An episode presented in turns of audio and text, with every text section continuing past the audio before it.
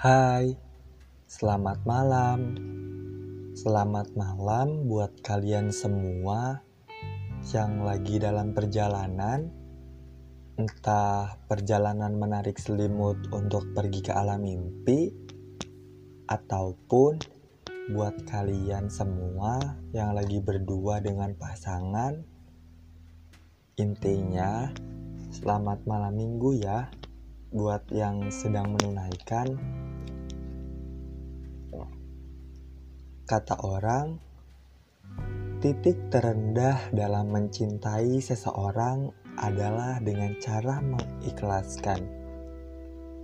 Mengikhlaskan orang yang kita cintai bahagia dengan orang lain, walaupun bukan kita alasan untuk dia bahagia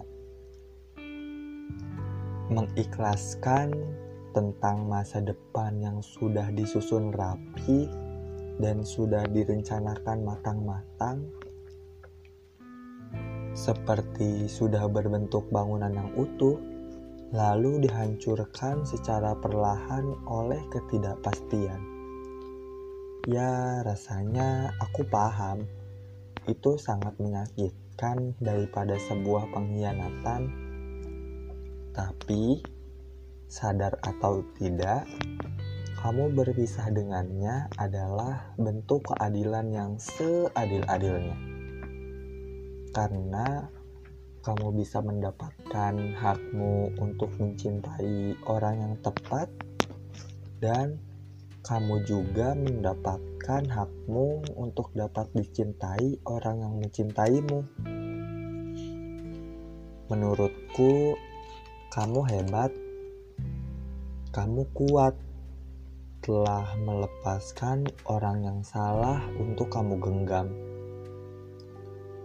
Walaupun awalnya sakit, tapi sakit itulah yang akan menyembuhkan lukamu yang akan membunuhmu secara perlahan. Karena memaksakan orang lain yang sudah tidak mencintaimu untuk tetap tinggal adalah sakit hati yang sudah direncanakan. Tuhan akan menggantikan setiap yang pergi dengan yang lebih baik lagi.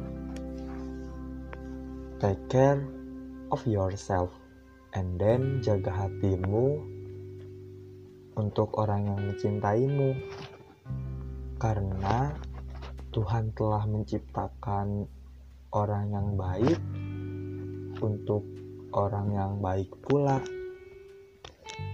Kalau kamu belum menemukannya sekarang, mungkin nanti karena orang yang tepat tidak dipertemukan secara dekat. Terima kasih telah mendengarkan podcast ini.